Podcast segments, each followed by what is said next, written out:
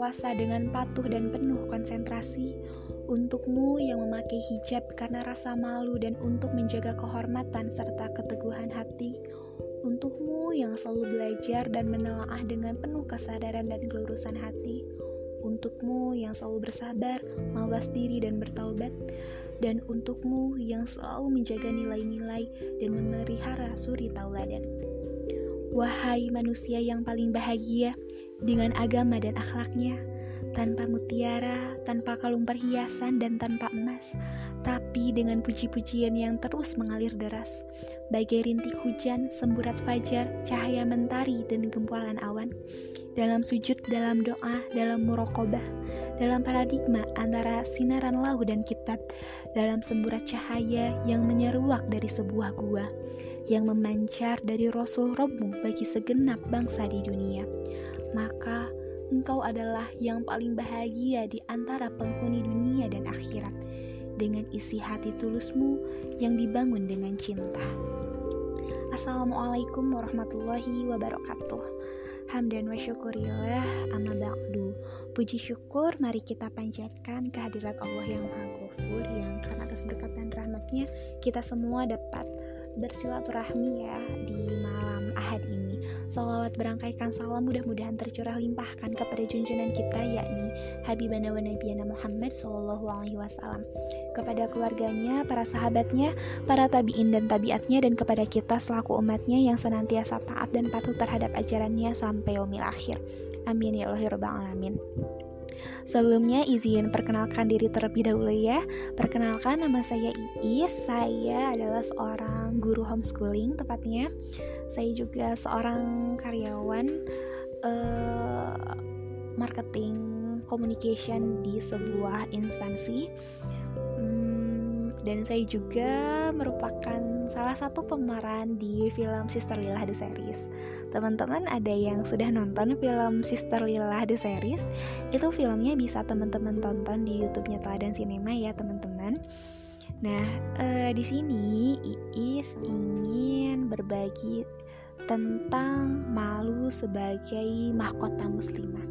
Sebelumnya saya mau menyapa terlebih dahulu nih Bagaimana teman-teman kabarnya? Mudah-mudahan selalu sehat ya di mana pun teman-teman berada Mudah-mudahan selalu diberikan kesehatan dan umur yang panjang Kelancaran rizki yang halal dan ketetapan iman Islam Serta kemudahan untuk bisa beribadah kepada Allah Subhanahu wa Ta'ala Amin ya Allah ya Rabbal Alamin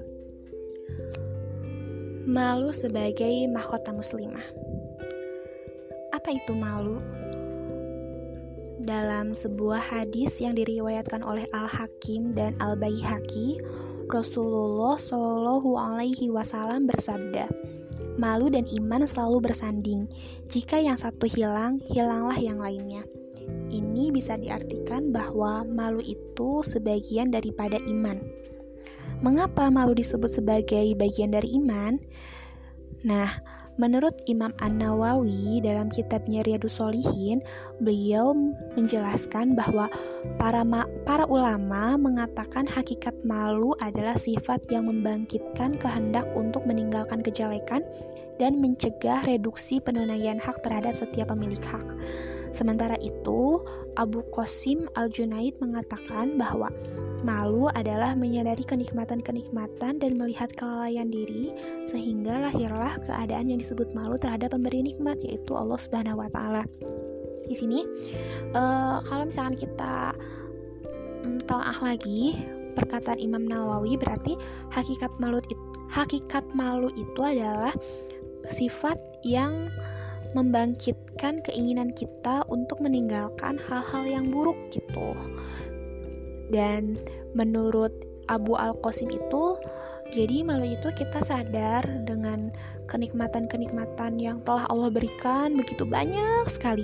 Sedangkan diri kita itu masih sangat lalai terhadap kewajiban-kewajiban kita. Padahal itu selalu memberikan kita segalanya. Nah, di sinilah timbul rasa malu terhadap pemberi nikmat, yaitu Allah Subhanahu wa Ta'ala. Uh, dari sini kalau menurut Is pribadi, bisa disimpulkan bahwa malu itu adalah sesuatu yang membatasi dan mencegah e, mencegah apa? Mencegah kita untuk berbuat hal-hal yang buruk gitu, hal-hal yang tidak pantas. Jadi, malu disebut sebagai bagian dari iman karena keduanya sama-sama menganjurkan kebaikan dan menghindari keburukan. Iman mengantarkan seseorang untuk melaksanakan ketaatan dan menjauhi maksiat, sedangkan malu membawa kita pada puncak rasa syukur kepada Allah dan mencegah kita untuk berbuat maksiat juga. Nah, eh, diriwayatkan dalam sebuah hadis oleh Imam Al Bukhari, Rasulullah Shallallahu Alaihi Wasallam bersabda, malu hanya akan membuahkan kebaikan. Jadi memang rasa malu itu adalah sesuatu hal yang harus ada pada diri kita, gitu. Kebalikan dari malu adalah cabul. Cabul itu adalah jorok, berangasan, seronok, baik itu dalam ucapan ataupun perilaku. Nah, perilaku seperti ini hendaklah dibersihkan dari tiap pribadi muslimah, karena sejatinya perempuan adalah makhluk yang uh, memiliki rasa malu gitu. Dalam arti malu menjadi fitrah dan watak asli perempuan. Jadi, patut dipertanyakan ketika kaum perempuan tidak memiliki malu lagi karena berarti ada yang salah dalam diri mereka. Pertanyaannya, dari mana timbul rasa malu tersebut? Sumber rasa malu ada pada derajat keimanan tertinggi, yakni ketika seseorang berada pada tingkat ihsan, merasa diri melihat atau dilihat oleh Allah Subhanahu wa taala, sehingga hati, tubuh, jiwa terkunci dari berpaling terhadapnya karena merasa pengawasan, pengetahuan, kebesaran, kekuasaan dan kedekatannya selalu meliputi. Di sinilah kehebatan akhlak malu sampai dikatakan jika tidak merasa malu berbuatlah sesukamu kayak gitu. Jadi kalau misalkan kita nggak punya malu ya udah berbuat aja terserah kita mau melakukan apa. Nggak pakai baju di tengah jalan juga silakan. Kalau misalkan kita nggak memiliki malu dan itu adalah hal yang jelek kan hal yang negatif gitu. Kita adalah manusia beradab kita manusia beragama kita adalah manusia yang berpendidikan dan kita tahu hmm, batasan-batasan hmm, atau norma sosial, norma agama, norma hukum yang berlaku di sekitar kita. Sehingga dengan rasa malu ini kita bisa mengendalikan diri kita untuk berbuat hal yang uh, melanggar aturan gitu. Jika tidak ada lagi rasa malu, seluruh pintu keburukan terbuka lebar. Tidak ada yang bisa mencegah kecuali akhlak malu tersebut jadi kalau misalkan kita nggak merasa malu kita malah apa ya melakukannya gitu seperti yang kita lihat uh, fenomena saat ini banyak orang yang uh, sudah kehilangan urat malunya gitu jadi memamerkan dosa-dosanya, berzinah tapi dipamerkan, hamil di luar nikah tapi dipamerkan gitu. Seolah itu bukan hal yang biasa lagi, seolah bukan hal yang menjadi aib lagi. Padahal itu adalah hal yang buruk gitu. Itu adalah aib. Tapi karena rasa malu sudah tidak ada dalam diri mereka, jadi tidak ada yang bisa mencegah perilaku mereka. Nah, rasa malu seperti inilah yang harus kita tanamkan dalam diri malu untuk berbuat dosa, malu untuk berbuat uh, salah, malu untuk berbuat yang membuat aib gitu di masa depan. Nah, terus malu yang seperti apa sih sebenarnya yang harus kita tanam selain yang seperti itu? Bagaimana perwujudan dari rasa malu itu sendiri? Hal ini pernah dipertanyakan oleh para sahabat kepada Rasulullah Alaihi Wasallam. Dalam sebuah hadis, Rasulullah bersabda, "Malulah kalian terhadap Allah dengan sebenar-benar rasa malu." Para sahabat menjawab, "Wahai Rasulullah, alhamdulillah kami sudah merasa malu." Rasulullah menjelaskan, "Bukan, bukan malu yang begitu, melainkan malu kepada Allah dengan sebenar-benarnya rasa malu." Uh, adalah jika kamu menjaga kepala beserta isinya dan perut beserta isinya dan hendaklah kamu mengingat-ingat kematian dan hari akhir. Barang siapa yang menginginkan akhirat, maka ia akan meninggalkan hiasan dunia. Orang yang bisa melakukan semuanya itu, maka ia telah malu kepada Allah dengan sebenar-benarnya rasa malu. Jadi, dari hadis ini kita bisa menyimpulkan bahwa aktualisasi malu terwujud dalam lima perilaku, yaitu menjaga kepala beserta isinya. Artinya, menjaga pikiran kita dari sesuatu yang diharamkan atau yang tidak-tidak itu. Yang kedua, menjaga perut dengan hanya memakan yang halalan toyiban dan tidak berlebihan. Yang ketiga, mengingat kematian sehingga terhindar dari kelalaian. Yang keempat, mengingat hari akhir atau hari kiamat sehingga memperbaiki amal karena akan ada hisab dan balasan. Dan yang kelima, menjauhi cinta terhadap dunia atau hubu dunia ya terlalu mencintai dunia itu adalah sesuatu hal yang uh, dilarang gitu. Nah, rasa malu itu terwujud dalam lima perilaku ini. Terus ada beberapa hal yang mirip dengan malu, tapi sebenarnya itu bukan malu, bahkan itu adalah sesuatu yang kita hindari. Antara malu dan pemalu, ini beda. Nah, ini yang pertama. Malu adalah hal yang terpuji, tapi sikap pemalu sehingga tidak memiliki keberanian untuk mengaktualisasikan potensi diri adalah sebuah kekurangan. Misalkan kita e, diperintah untuk menjadi pembicara di hadapan umum, tapi kita nggak bisa, nggak sanggup karena kita merasa malu.